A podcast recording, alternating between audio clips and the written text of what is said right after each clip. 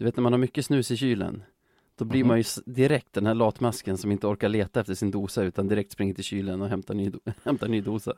Så, ja, så i slutändan så har man fem stycken som bara ligger omkring i olika rum. Eller åtta, Mm. så, en, i varje, en i varje byxficka liksom, på alla byxor man äger. Ah, ja, vi gör det här ganska snabbt idag. Eh, Frans har av allt att döma, nu tappar jag ordet på det igen, vattkoppor. Så även om han sover nu kan han vara vaken om några minuter och så. Så vi river väl av det här.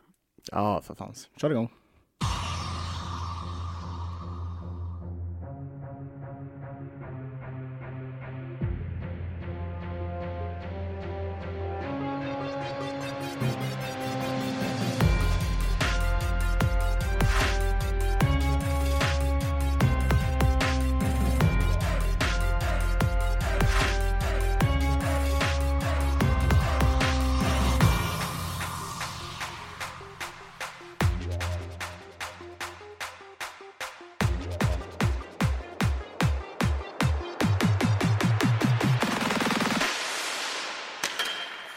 Vad fan, vi, eh, vi kickstartar väl igång och säger varmt välkomna till ett nytt avsnitt av Radio 1970.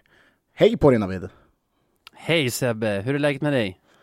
Nej men det, det är relativt bra. Jag eh, är eh, halv, i halv karantän kan man väl säga, för jag känner mig lite, lite rosslig nu på morgonen. Så, så jag har valt att ta ett covid-test och bara vänta. Jag känner mig, ja, sådär, men, men inte jätteilla. Du är inte så långt in i ana- anatomikursen så att du kan liksom behandla dig själv. Nej, tyvärr så är jag inte det. Men jag är ändå, jag är ändå dubbelvaxad, så jag känner mig relativt trygg. Ja, bra. Eh, Veckan som gick då? Vad har vi där? Ja, Vi har ju eh, katastrof till succé, kan man väl Vi säga. har, ju, Eh, vi har ju lägsta nivån och vi har ju högsta nivån.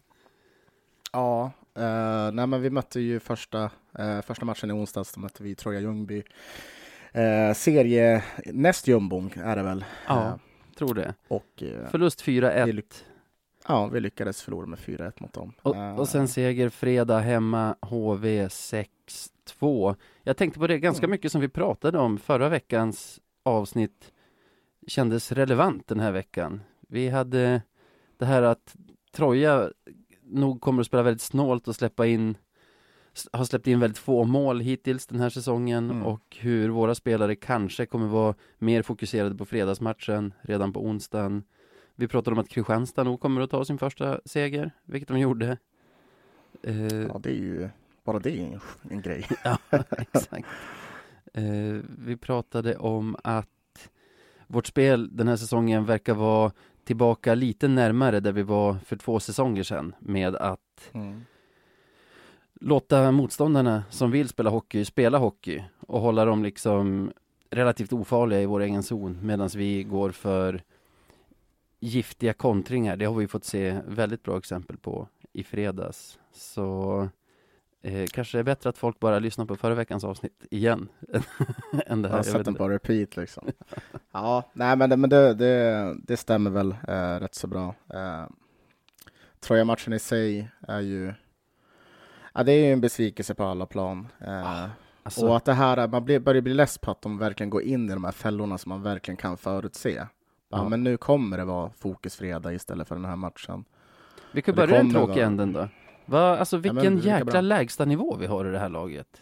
Alltså vilken fruktansvärt Ja. låg lägsta nivå.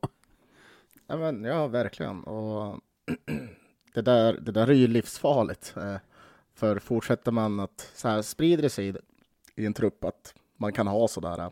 Det var ju bra att Wallson sa till på skarpen och folk faktiskt så, lät om, kan man väl säga. Eh, Men liksom sprider sig det där så kan det bli jävla dålig stämning. Både bland eh, spelarna, men sen också bland publiken och spelarna, vilket inte är bra. Ja. Eh, Ska vi, ska vi spela som vi gjorde där första säsongen med Kente, om det liksom är tanken, då kommer det vara som den säsongen att de sämre lagen, om man får kalla dem det, i serien är de som vi har störst problem att slå. mm. Då var det Ja. väl de två första förlusterna var nykomlingarna Kristianstad och Almtuna tror jag. Nu har vi våra två första förluster mot Västervik och Troja. Och det är ju ett problem om vi inte kan, vad ska man säga, spela mot lag som är på pappret mycket sämre än oss och föra matcherna, Mm. alltså att dominera hem segern. Det är ju ett måste om man vill vara ett topplag känner jag. Exakt, för grejen, grejen med den här matchen var ju just det att det var inte så att vi hade otur mot Troja. Nej, nej. Liksom att pucken inte satt, utan det, de var spelförande. Och, De var spelförande och, och de var det bättre ledde- laget och vann rättvist. Ja, alltså- 4-1 kanske lite i underkant. ja, nej men alltså 22-21 i skott till dem. Alltså visst, det är, det är snålt på skott och jämnt i den statistiken, men det såg ju ett bra tag ut där som att vi skulle liksom torska det ganska rejält också. Så nej. Ja, Ja, det, var, det var som att se Det var som att se ens värsta mardröm manifesteras på isen. Men också så här att man var väldigt bekant med den liksom, på något sätt. Ja, He- Heder till. Troja måste jag säga, för de är ju jättetäta när vi väl har pucken. Men, Mm. men det är ju de som har mest puck. Men det är ju att de ändå hittar sina mål i... Deras första är ju att Ottosson tappar den på ett ganska dåligt sätt när vårt lag är på väg framåt. Så Mm. ger han bort den till en, till en Troja-spelare och där gör de ett ganska effektivt mål. Deras två nästa är ju spelvändningar. Då, de, då det är de som ställer om mot oss, skapar bra lägen och gör mål. Och jag menar, vi har ingenting. Vi är inte med hemåt, men det är inte vi som anfaller heller. Men ändå lyckas vi släppa spelvändning på spelvändning som blir, som blir Mm. Ja, farliga det är- målchanser för dem. Ja, det är fruktansvärt. Är det. Men ja, sen så kan jag, jag kan också tycka att vi, vi måste... Jag, jag ville inte gå in på det här, men nu kommer jag fan gå in på det ändå. Mm. Alltså Hasse Wallson, min kära, kära tränare. Här måste han vara lite snabbare på fötterna istället för att bara kunna konstatera efteråt att man mentalt inte är där.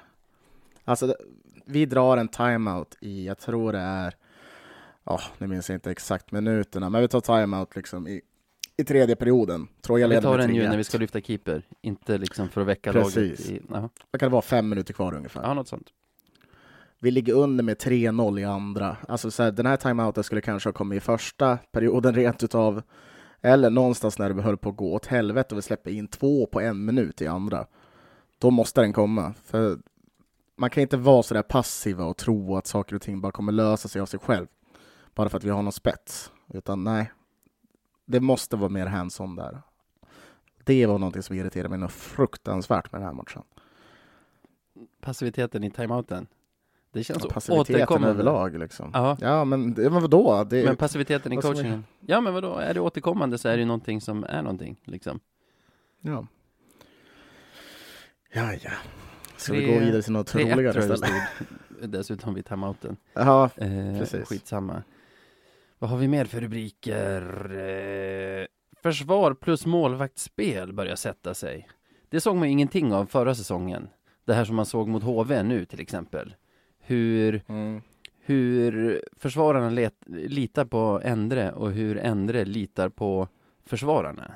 Vi är ganska Mm. bekväma med att ha HV i vår zon nästan hela matchen och släpper igenom de skott som, som Endre ska ta och blockar väldigt mycket skott också. Och Mm. han är ju superstabil i den rollen, där han tar det han ska ta. Och behöver ju inte, jag tror inte på de hela 60 minuterna att han behövde göra någon sån här fantomräddning när han är överspelad, utan han kunde liksom stå där med sitt lugn och, och stoppa puckarna och kontrollera returerna och allt vad målisar ska göra och sen skötte vårt försvar resten. Jag tycker det är, jag vill säga att det är första gången på den här säsongen som, som jag såg det där samarbetet funka så bra.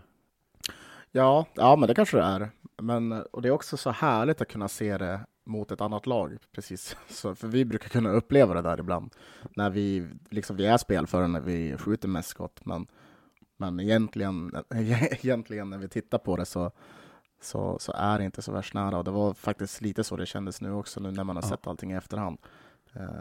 För väl på plats kan jag inte se att samma känsla infann sig. Då var det mer, åh herregud, åh herregud, Ja, ja. åh herregud. Men så fort känns det de alltid på match. Över röda Ja. liksom. Och alla fan. chanser känns som, känns som de farligaste i världen. Jag har också sett matchen i efterhand igen. Och för, för det spred sig så här, jag såg matchen på tv och då var ju snacket i sändningen med experterna verkligen så här, gud vad Björklöven kontrollerar det här bra, vad de manövrerar ut HV, liksom. HV Mm. hamnar på utsida hela tiden, de känns inte lika heta som Löven. Men sen efter matchen började det sprida här siffror om att de skulle haft 21 skott på mål ur skottsektorn och det. Och då blev jag så här, för det, det betyder ju i så fall att liksom, de har dominerat HV. Så jag var tvungen att se matchen igen jag också för att se, var det några väldigt farliga chanser? Och de hade ju några, alltså, inte vet Mm. jag, 6-3, 6-4 kanske hade varit ännu mer rättvisa resultat, eller 7-4 till oss, jag vet inte, men alltså, jag, jag tycker att det såg väldigt stabilt ut. Mm. Ja, nej, men det, det, jag, jag, jag, jag är med på den, på den sidan också. Det, det, det får jag väl köpa. Men, men det är också så här, man är så jävla ovan Mm. att, att man för en gångs skull, ja, men dels ett att vara underdogs, sen två att vi möter ett lag som är, alltså så, här, som är så bra som HV är. Mm. Man kunde ju bara se på dem hur mycket klass det bara, de, de hade som en aura runt sig, spelarna. Mm. Så nej, det, det, var, det var en jäkla märklig känsla det där. Och jag, jag stod ju själv på, på H. Jag, jag kunde inte liksom så här slappna av förrän de sista tre minuterna tror jag. Mm. Då, det var typ då man bara, okej, det, här, det, här kan- det här kommer nog gå vägen. Det Ja, här kommer nog gå vägen. jag kände mig Då kände jag liksom, inte mm, säker förrän Selin gjorde det där eh, 5-2 målet. Då är det ju lite, ja, det är kanske en halv period kvar. Men när vi har spelat så Mm. stabilt liksom bakåt hela matchen och, och har tre mål till godo och knökfull Winpos arena. Jag känner det här, det här kommer gå vidare. Sen gör ju Postler ett otroligt mål också i slutet som, som är Ja, mitt fint. favoritmål från Löven den här säsongen tror jag. men, ja, det är ganska roligt i den där perioden, för de gör ju mål astidigt. Det är Ja. typ så andra minuten. Mm, mm. Och där och då, då känns det bara oh Mm. shit! Mm. Åh nej, nej, nej. Så det här Selins mål där, det var ju något av det, det härligaste man har varit med om. Och det, nästan så här varje mål eh, som man firade var liksom det var ett SM-guldsmål, för det kändes så, så overkligt. Liksom bara, Oj, shit, vi gör ett till alltså. Ja, Så ja, nej, det var, jag kan säga så här eftersom jag ändå var där, det var en jävla upplevelse att vara där måste jag säga. Ja. Eh, jag var riktigt avis. Det, ja, men det var... Det, det finns...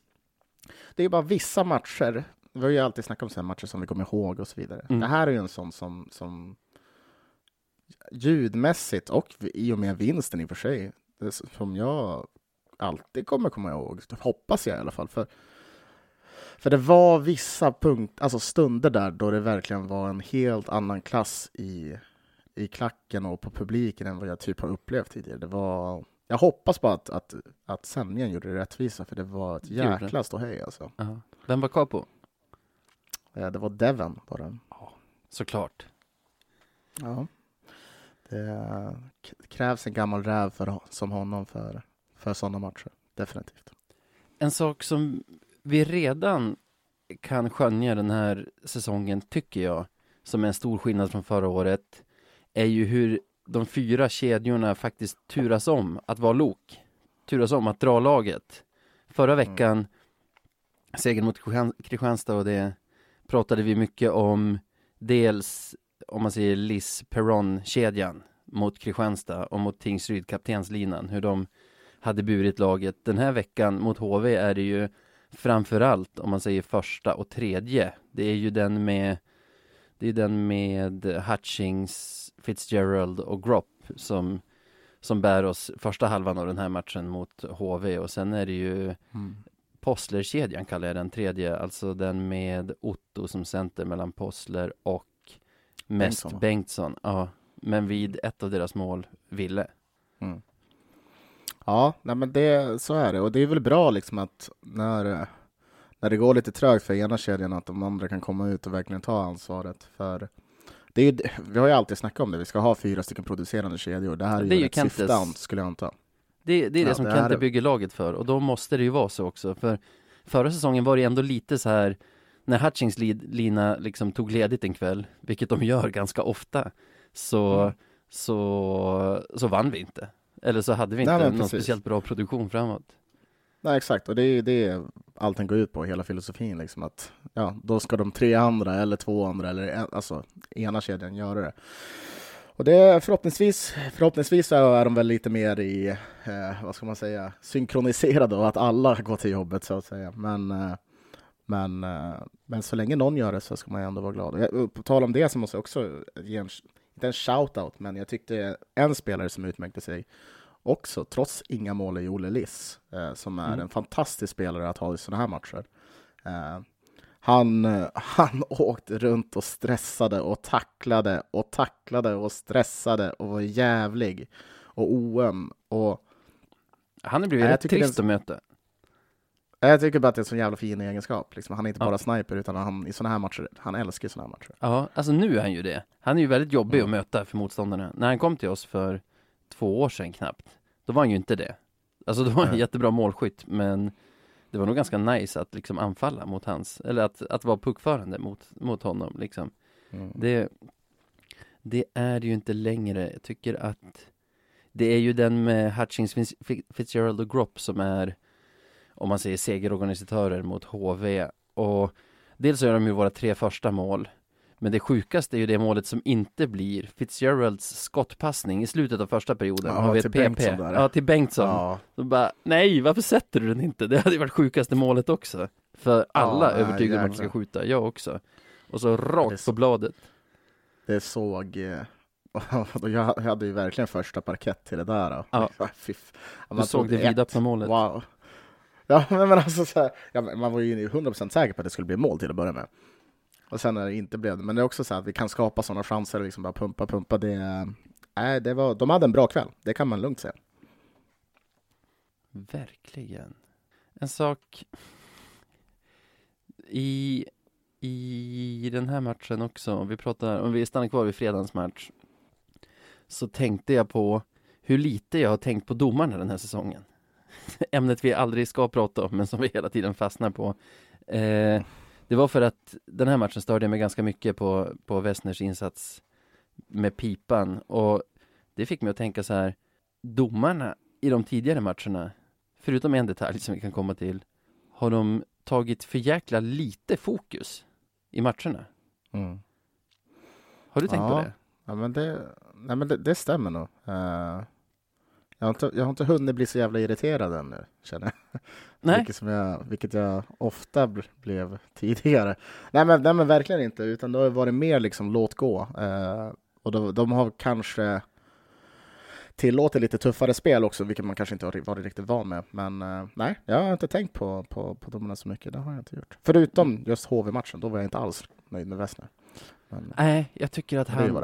Aha, nu ska vi kanske inte singla ut enskilda domare, men nu blev det kanske så Äh, han var på att- isen, så då är det så.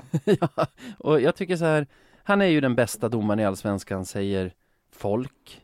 Och vad jag förstår beror det på att han, han har bra tugg med spelarna liksom. Han, han har, eh, vad kallar man det? Alltså att han, han har bra jargong med spelarna, på, på, ja, bra kommunikation med spelarna.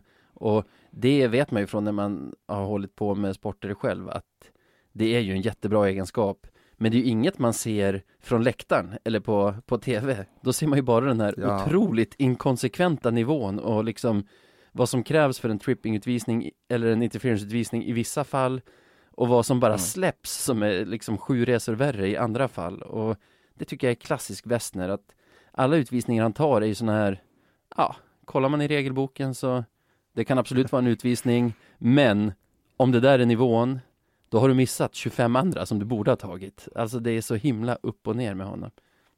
Men vi Ja. släpper honom nu eftersom vi ändå har börjat berömma. Det är ju verkligen så med domare att, att när man inte märker av dem, det betyder att de har gjort sitt jobb galant. Och Det är också som bra, bra defensiva backar. Exakt likadant. exakt. De ska Men- bara vara där liksom. En annan sak som jag tänkte på i veckan och som, som tog upp att eller som, som blev ett skäl till att jag tänkte på det, det var, det var ju inga videogranskningar, varken mot Troja eller HV. Och när, Skönt. ja, Det är inte, när, det är när man tänker vanligt. på det, då, då tänker man på hur jäkla mycket videogranskningar det har varit på allt. Jag har kommenterat i sociala medier, men aldrig här i podden. Alltså, det är ju värre än någonsin tycker jag. Ja, och det är inte bara det är inte bara vår serie heller, utan det är ju SHL också. Det är fruktansvärt att se på. Alltså det är sådana här självklara saker som de ringer på varenda jävla gång. Alltså så här, sluta. Vi vet, alltså man vet att de är ju rädda för att göra något fel, men kom igen. Ja, men det är så självklara grejer de Någon ringer nivå på. måste det vara. Ja, Jag tänker på ibland när vi ska spela in och vi pratar om det här att vi får inte ha saker som drar ner tempot när tempot är högt i podden. Mm. Alltså för då blir det en dålig produkt, eller man ska säga. Matcherna Mm. blir ju en dålig produkt när, när det är hett och det är så här bra målchanser och sen ska domaren sitta och kolla på tv i fem minuter. Och man bara, Ja. vad händer? Det där måste de sluta med, jag blir galen. Ja, mindre videogranskningar, snälla. Det, det är mantrat de borde leva efter. För det, ta hellre en dålig jävla utvisning eller någonting. Eller att ni missar något. Jag skiter i. Ja, Orkar inte sitta och vänta. verkligen. Ska vi lova här och nu att mindre granskningar så ska vi också gnälla mindre om det råkar bli fel på grund av mänskliga faktorn? Nej, det är inga löften. Absolut inte. vi, vi kan lova att försöka. Det är inget tvåvägskontrakt det där alltså. Nej, nej, nej, nej.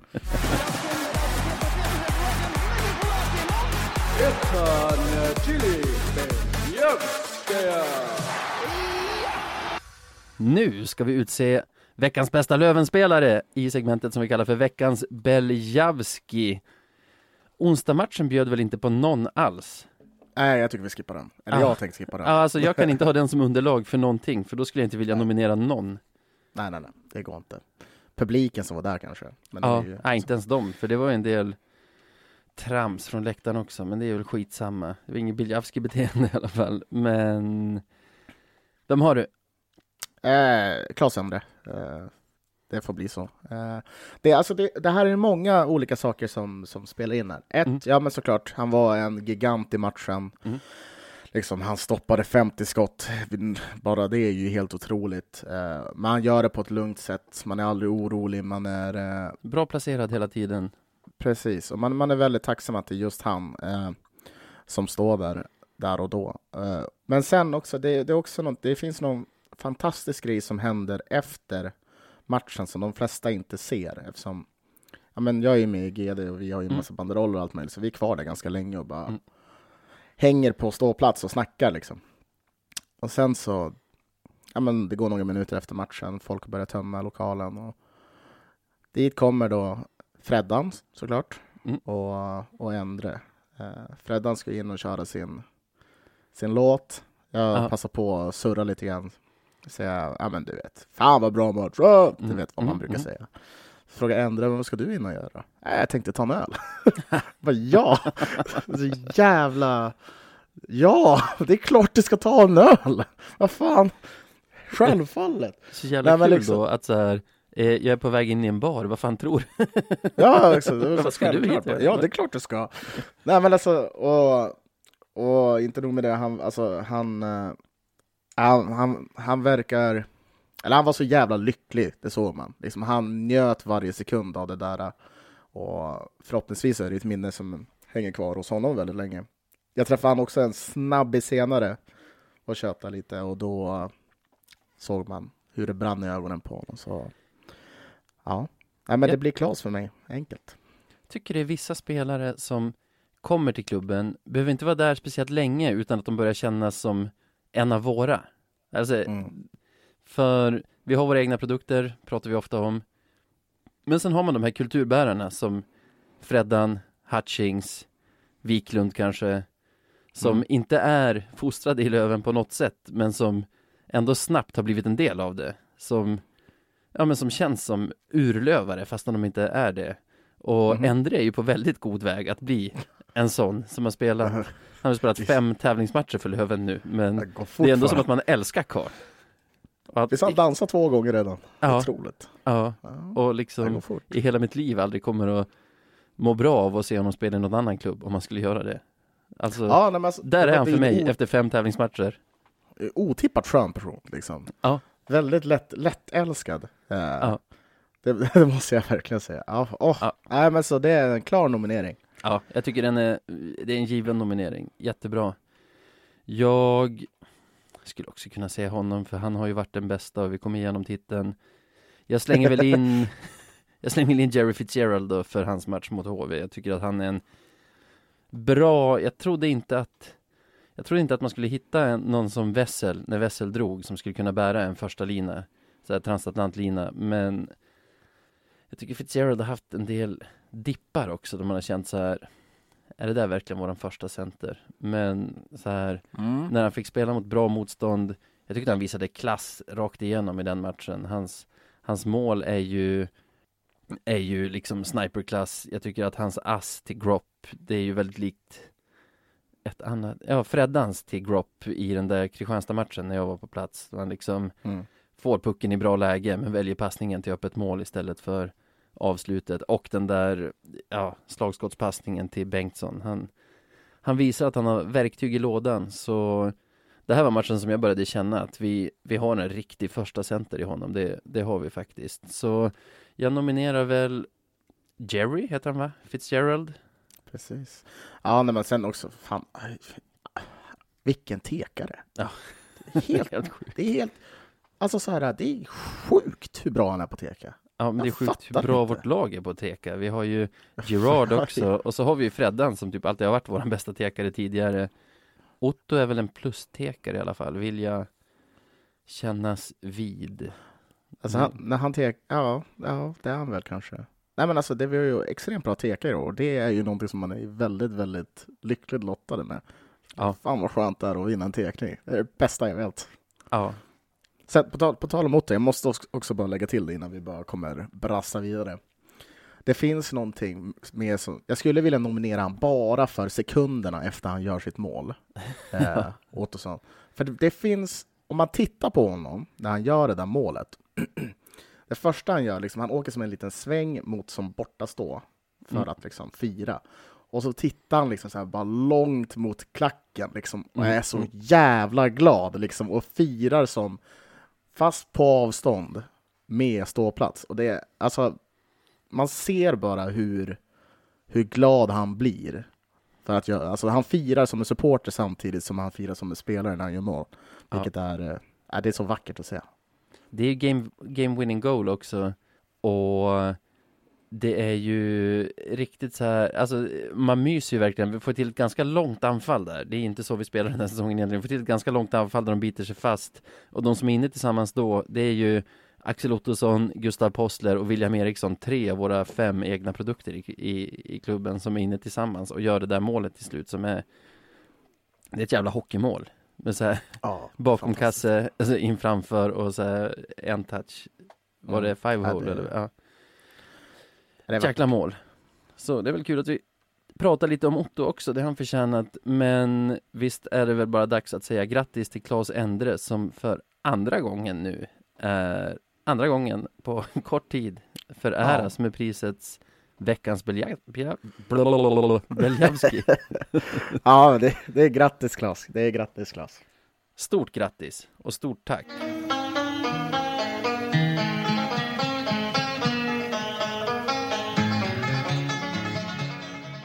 Veckans Marklund. Ja, den där trudelutten känner ni säkert igen. Det är såklart dags för veckans Marklund.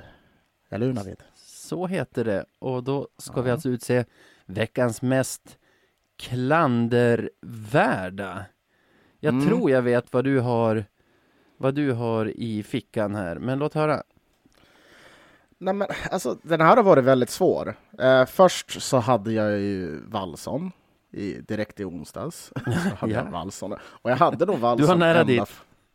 Ja, ja, och jag hade nog han fram tills kanske ja, en timme innan inspelning, skulle jag tro. All right?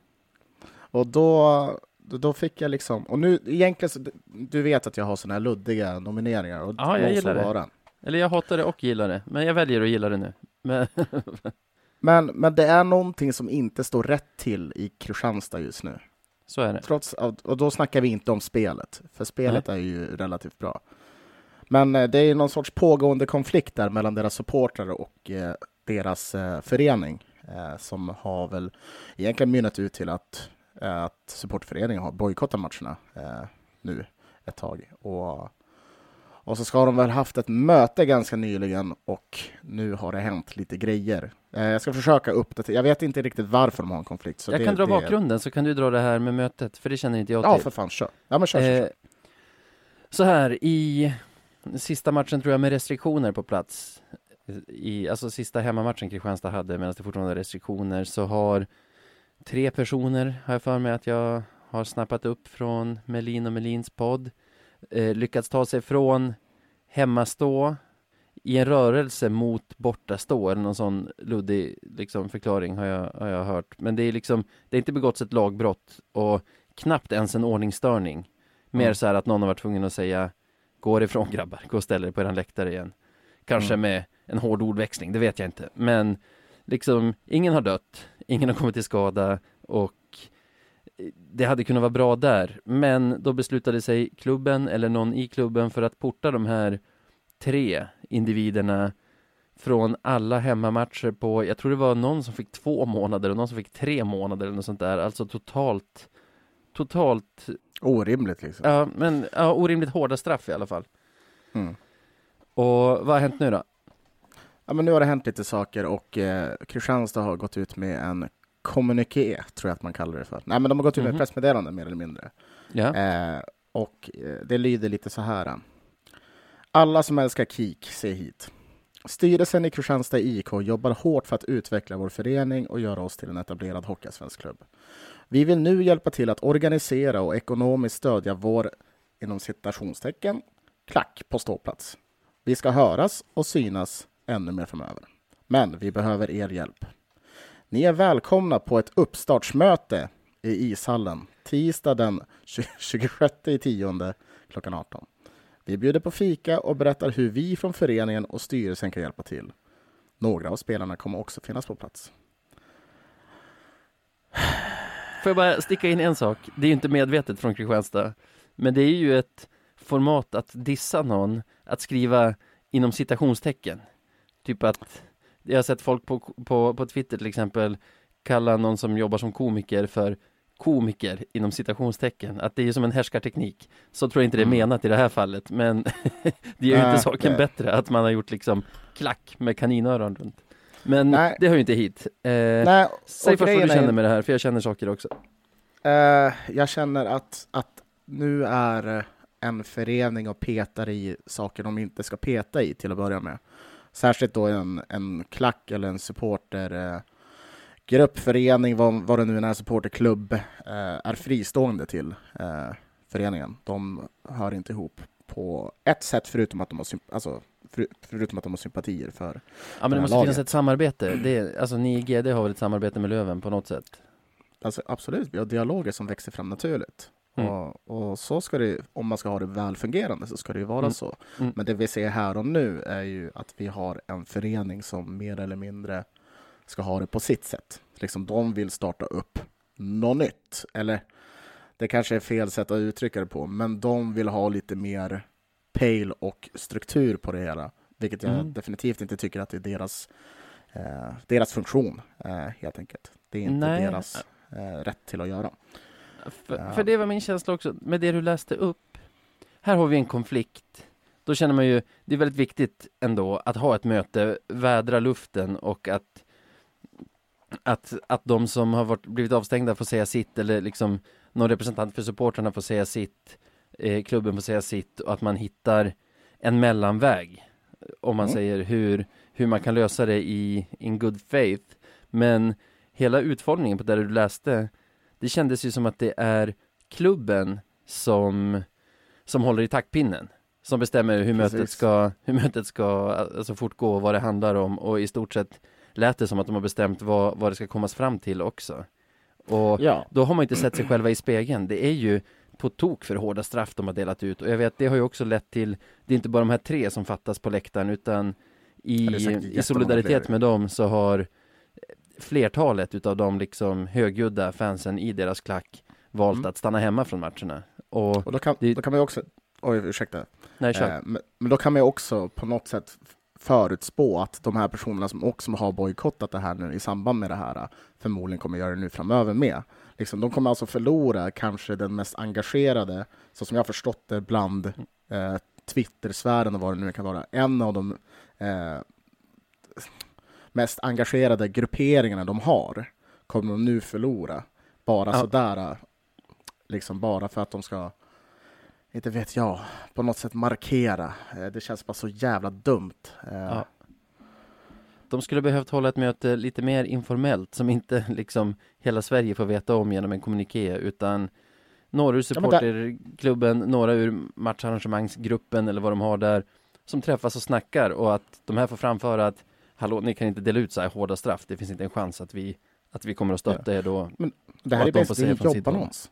Det här är en jobbannons. De letar på riktigt efter folk som ska svara i klacken. Det här är en liksom... Jaha, Ja, du det tänker är ju- så. Ja. Ja, liksom, alla som älskar kik sig hit. Vi behöver er hjälp. De ska starta mer eller mindre en ny klack. Eller det är det, de försöker rekrytera nytt Ja. folk till klacken för att kompensera för de här som de inte tycker hör hemma i deras klack. Det är det, känns de typ gör. som Red Bull Salzburg. Ja, referensen kanske är svår, då får man googla helt enkelt. Men ja, det det är ju en jättebra nominering. Jag har också betraktat det där på avstånd och känt att att de, man är illa ute om man inte har en bra dialog med fansen och att man liksom förstår varandra. Det, Ja, definitivt. Och jag tror, jag tror anledningen varför jag blir så upprörd av det här är för att, och jag tror du är nog med mig på det här planet, att vad en, en förening, en idrottsförening, alltså deras viktigaste, mest integrala del är supporterna. Alltså de som går på matcherna, de som köper säsongsbiljetter, de som engagerar sig Ja. frivilligt, de som tar sig tid att måla tifon, de som tar sig tid att åka på bortamatcher och allt möjligt.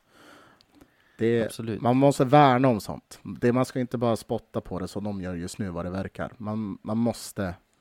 Man ska värna om sånt och vara försiktiga med det. Ja. Jag ser nu att jag glömt formatera mitt minneskort här så vi kommer snart måste ta en paus så att jag tömmer det. Men min nominering är hakari förra veckan för då var jag ju ganska irriterad på Örnsköldsviks HF och på Hockeyettan, organisationen. Några som inte fick så mycket släng av sleven då, som Mhm. förtjänar det, är ju Hockeyförbundet. Det är de som har haft i sina tävlingsbestämmelser att man, att klubbar måste vara med i i ligaorganisationen. Och sen när Riksidrottsnämnden sa nej, det måste de inte alls, tog de bort det ur tävlingsbestämmelserna och la tillbaka det igen inför säsongen nu. Så det står ju faktiskt i deras tävlingsbestämmelser att klubbar måste vara med i organisationen fastän vi vet nu genom domen från Riksidrottsnämnden som kom mycket tidigare att det måste de inte alls. Och det jag stör mig på nu med, med Svenska Hockeyförbundet det är ju det här att nu när vi spelar in det här har det gått åtta dagar sedan Örnsköldsvik vägrade åka till Boden och spela hockey och inget har hänt ännu. De är inte uteslutna ur serien ännu fastän det är en given sett till vad som hände i Asplöven. Det är det enda beslut de kan ta, så varför skjuter de det framför sig? Det, det är ju det som leder till att nu fler och fler klubbar säger att, alltså vägrar åka till Boden och Karlskrona och spela matcher. Hade, hade förbundet agerat någorlunda snabbfotat och sagt Sorry Örnsköldsvik, ni är ute, ni får börja om i tvåan säsong eller vart man hamnar när man blir utesluten. Då hade ju inte den här situationen varit nu. Och det, alltså Det går att säga att det finns två sidor av allting och det gör det väl här också, men det finns också en dom från Riksidrottsnämnden som säger vad som gäller. Så det är inte ens ett svårt beslut för Hockeyförbundet. Det är bara det är ett beslut de måste ta, så ta det Ja. direkt innan liksom, det har dragits fler klubbar med i fallet. För nu börjar det bli så här tre, fyra klubbar som redan har bojkottat matcher och, och då enligt reglerna ska ut. Nej men precis, och det handlar väl inte om vad man själv personligen tycker och tänker, utan som du säger, det finns en bestämmelse här. Då kan man inte hålla på och dalta som de håller på med. För alltså, blir det här mer och mer och den här snöbollen blir större och större, då kommer det bli total katastrof med det. Liksom, vad kommer hända? Kommer det ens vara någon jävla hockeyetta till slut? Det är ju det som är frågan. Har, har förresten Boden ens fått veta från förbundet att de har vunnit matchen på Jag tror, jag tror inte det. Jag tror inte det. Alltså, Men det det är såg sån jag det jävla röta i det här så man blir galen. Det var ju något till lag nu också. Jag tror det var Kalix som skulle ställa in mot Boden. Och, och det, det, det, det känns bara så tröttsamt. Och alla liksom går ut med samma sak. Vid frågor, vid mer info, kontakta Glysing. Glysing, det är väl han som är han som är typ VD för ligaorganisationen. Ja, Ja, exakt. Hockeyettan Direktör där. eller chef. Ja. Ja, och det är bara så jävla. Fan, Kan bara någon klubb stå upp för sig själva och ta ett beslut själva istället för att följa de där jävla direktiven? Är de så Ja. rädda? Men så här, Är de Glysing så kommer ju rädda? finnas kvar och Hockeyettan kommer ju finnas kvar även om Örnsköldsvik, Mörrum, Kalix blir utkastade ur serien av förbundet. Så ta egna beslut. Vad... Nej, men vet du vad det värsta var? Boden hade till och med informerat Kalix, för jag läste det tidigare Mm. idag, hade informerat Kalix att ja okej, ni har ju skrivit oss att ni vill sk- skjuta upp matchen, Mm. men vi kan gå med på att inte sända matchen Mm. så länge ni spelar. Om det är där skon klämmer. Ja, exakt. Om det är där skon klämmer. Men då får ni vara beredda att vi kommer kanske kräva er på liksom, ja, men Mm. pengar som, det, som vi tappar på att inte sända matchen. Men om Mm. det är att ni är rädda för någonting så kan vi göra så. Fortfarande inget svar från dem. Jag har två minuter kvar på minneskortet, så vi utser en vinnare. Det är väl Kristianstad, eller? Ja, eh, ja Hockeyförbundet. de jag vill egentligen ge till slut, båda. Alltså. Ja, alltså förbund. Jävla förbund. Föreningar och förbund. Kan vi retroaktivt ge förra, kasta in Hockeyförbundet tillsammans med ÖHF och Hockeyettan på förra veckans och så kan vi ge den här veckans till Kristianstad IK och deras hantering av, av Supportergate. Det tycker jag. Okej, grattis Kristianstad! Grattis!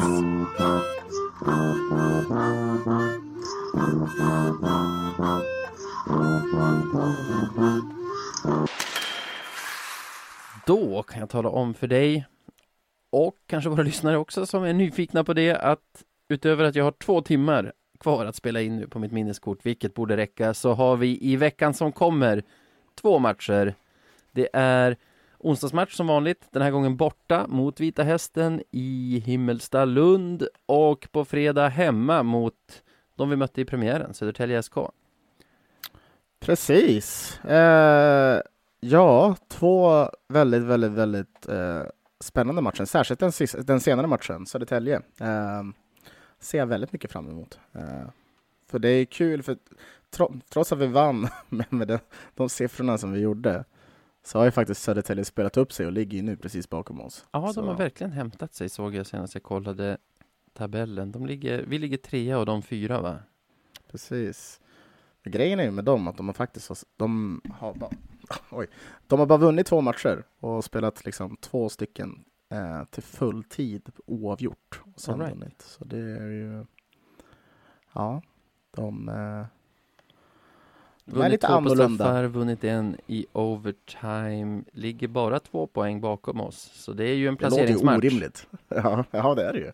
Det är det ju. Nej, men det ser jag jättemycket fram emot. Eh, Vita Hästen, ja, men det blir väl kul att möta dem igen. Eh, Himmelstalund, klassisk hall. Eh, kommer vara en del lövare där, är jag helt säker på. Det kommer det vara, dock Eh. inte jag. Jag kommer inte ens kunna se matchen tror jag. För vi har AV med, min, med mitt team på jobbet. Vi har Oh shit. Jag började ju i, det här, i den här redaktionen liksom under pandemin, så vissa har jag aldrig träffat tidigare, som jag jobbar tajt med och liksom pratar med varje dag. Så eh, jag kommer få se den i efterhand helt enkelt. Men det är väl skitsamma för lyssnarna. Vad tror vi om den matchen? Eh, nej, men jag tror att vi, jag tror vi, vi vinner mot, eh, mot eh, Vita Hästen borta, tror jag. Eh, Mm. Det tror jag. Eh, nej, men det, nu har vi fått lite, lite annorlunda go i laget eh, efter vinsten här mot, mot HV. Lite oroväckande att Vainio kommer, eller verkar vara skadad. Eh, men eh, ja. Man har inte hört så Nej. mycket om det. Nej, jag, jag läste någonting om det var på VK att han inte tränade i alla fall. Och det kan ju Ja. bara vara försiktighetsåtgärder såklart. Men, Nej, men vi, vi får hålla tummarna. Det var en smäll som Nej. tog rakt på knät, så när jag såg det tänkte jag så här, honom ser vi nog inte på länge. Förhoppningsvis har vi ändå sex vettiga backar att ställa på isen, för vi har ju Viljami och vi har ju Rahimi Plant, eh, Nörstebö Mm. och de andra. Kalle. Nu, Kalle Johansson, gud vad de faller bort. Det måste finnas en till back också. Poppe.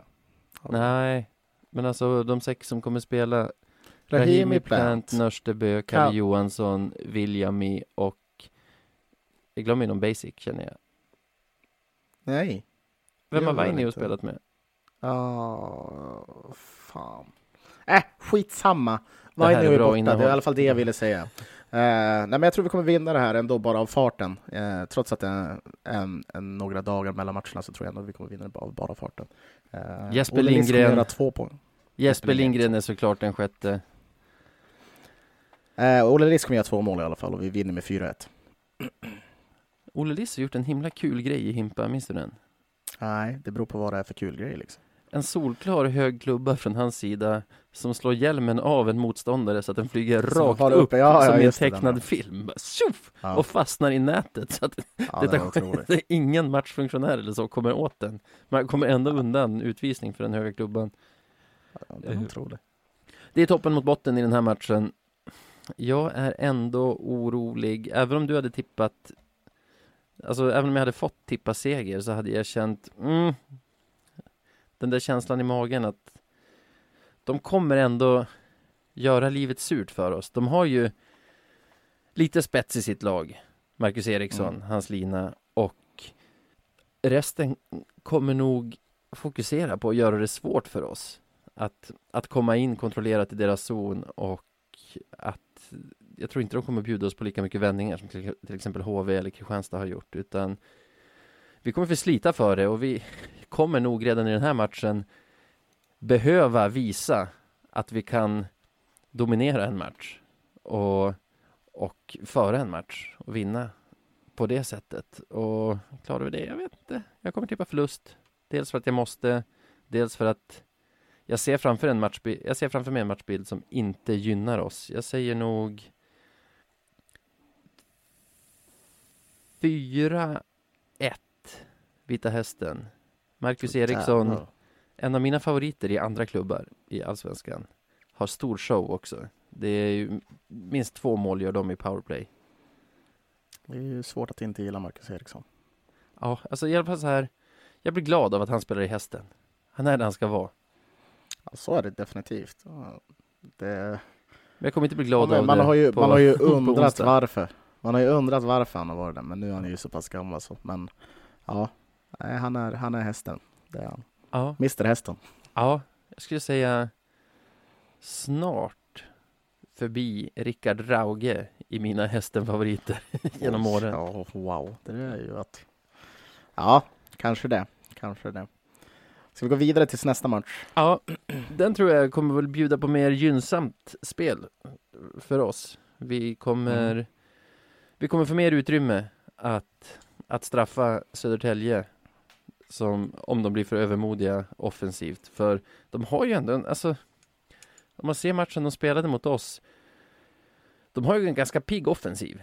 De vill ju framåt Mm. hela tiden. Det var ju typ det som gjorde att vi kunde göra så många mål. För att de vågade gå för det. De ville spela hockey som vi har sagt några gånger om den typen av lag Ja. som passar oss att, att lira mot. Så jag är nästan mer optimistisk i den matchen. Oh, det är fredag.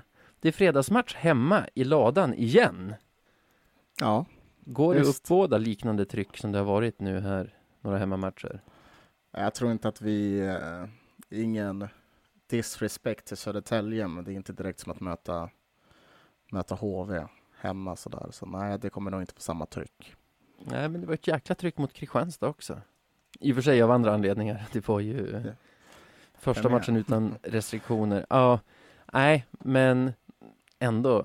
Fredagsmatch i ladan är ju en fredagsmatch i ladan. Så där har vi någonting som talar för oss också. Jag väljer att tippa seger med, jag höll på att säga 5-1, men så få mål har vi bara släppt in en gång den här säsongen och det var en förlust dessutom. Eh, Exakt. jag säger väl inte 5-3, ett ganska gångbart resultat för oss den här säsongen. 6-3 säger jag. 6-3. Ja, jag tror vi får mål av alla fyra linor i Löven. Ja, det blir spännande att se. Ja, du får tippa förlust. Eh, ja, nej, men det kan jag, kan jag väl göra. Eh, ja, det, det finns en sak som oroar. Och det är ju att Södertälje lär ju definitivt ha den här känslan av revansch som de vill kräva. Ja. Och kommer nog mentalt vilja mycket, mycket, mycket mer än vad vi vill, vill den här matchen. Eh, inte bara för deras egna skull, men också även för deras supportrars skull, som definitivt fick en stor käftsmäll eh, när det väl eh, skedde. Så jag tror um, äh, det kommer bli en tight match på det sättet, absolut inte likadant som förra matchen, eftersom Södertälje kommer ligga på, de kommer vara täta, de kommer vara starka. Du vet, det här är Kajalainens time to shine, mer eller mindre. Tänk dig en match som typ i Vännäs. Ja. Så tror jag, men med ett resultat som gynnar Södertälje den här gången. Mm. Eh, därför tror jag att de vinner på på... Nej, inte ens på övertid. De vinner nog efter ordinarie 4-3. Gör de. Mm. Blir det däremot kryss efter 60 så vet vi typ att de vinner. För de verkar ju vara, de verkar ju vara riktigt jävliga på att ta hem den där bonuspinnen också, sett tidigare resultat. En annan sak som talar för det du säger är ju att Södertälje är ju ett av, kanske det lag som vi haft svårast för de här två senaste säsongerna. Ja. De snodde Ja, de ganska varit- mycket de poäng har- av oss, det, alltså vårt rekordår, men de tog ju ganska mycket poäng. Jag tror de tog hälften, jag tror de tog sex poäng av oss förra säsongen också. Mm. ja men de, det är ju ett bra lag, som allt som oftast. Eh, och de, eh, de tenderar att, eh, att göra bra ifrån sig mot oss. Det är som att de gillar att spela mot Löven. Och vi, vi gillar ju förvisso att spela mot dem också på, på ett sätt. Så. Nej, men det är klassiska möte. Ser fram emot det. Eh, trots att jag tippar en förlust. Mm. Bra! Sociala medier, hur är det man ja, hittar men jag, oss? har, jag tänkte att vi har en liten sak till innan vi, innan vi kickar igång det. Ja. Jag såg en sak, eh, och nu har jag, jag har lagt ut det på våra sociala medier. Ja, jag att såg det. det. Det, det nomineras för friskt till eh, Guldpodden. Jag tänkte, visst, vi är väldigt nischad podd, men det kan ju vara kul att kanske få några nomineringar dit, eller hur? Absolut. Vad Om gör, hur gör man kanske- för att nominera oss? Ja, men det är ganska enkelt. Man går in på guldpodden.se och slash nomineringar. Och där kan man alltså nominera sin favoritpodd, sin favoritsportpodd, sin, eh, ja men den bästa kult, alltså kulturpodden, matpodden, vad du än lyssnar på. Och vi, ju, vi skulle ju vara mer än lyckliga över att bli nominerade till om det är någon som tycker så. Till, eh, nej men, ja, men supporterkulturpodd. Nej, nej men eh, sportpodd. Det hade varit jättekul kan jag tycka. Så Ja. inte fall om folk har tid till att göra det så då Jag är på väg jag in nu. Fantastiskt. Ja, jag har redan skickat in en nominering också. Jag Ja, tycker vi är bäst så. Jag kanske Och inte sen- nominerar oss, men någon ska nominera. Skoja. Sen, sen en sak till. Eh, till folk som bor i Umeå och med omnejd eh, så är det ju fortfarande så att den 29, den 29 oktober så möter vi Modo borta. Eh, det kommer vara en back-to-back och vi anordnar ju resor dit. Och jag antar att folk vill åka dit så då finns det fortfarande tid och möjlighet för folk att anmäla sig till GDs bussar. Ja, för med vi menar du inte Radio 1970 utan Green Devils. Jag vill inte ha några meddelanden om Jag vill ha bussplats. Skriv, skriv inte till Navid, utan skriv in till... Du kan skriva till ni kan skriva till mig på, på Twitter eller Instagram eller vad det nu än är, så, så löser vi det. Eller direkt till Green Devils kanske. Hur hittar man oss i sociala medier? Eh, ni hittar oss på... Eh, det kan du bättre än jag, Navid. Jag tror att jag har koll på sånt här. Fan, jag har tänkt ett tag att han har lärt sig det här. Men det är bara de gånger det står i körschemat, då kan du det. Och de gånger det inte Ja. står som idag så kan du det inte. Där jag Radio asstressad. 1970 SE på Instagram och Twitter. Podcast at radio1970.se är mejladressen om ni av någon outgrundlig anledning känner att ni behöver mejla oss. Så, Tänk dig så att en va- vad sa vacker du? dag kommer vi få ett mejl där. Så det kommer vara så, va? Och det kommer ligga. det kommer, Det kommer det. det kommer helt fantastiskt att läsa ett mejl. Vi kommer Ja, ja. hitta den när jag ska in och skriva ut alla så här kvitton för för så här webbhosting och sånt. Bara, Vad fan är det här för mig? Ah, skitsamma. Tack för att ni lyssnar. Sebbe, jättekul som vanligt. Ha det gott. Ha det gött!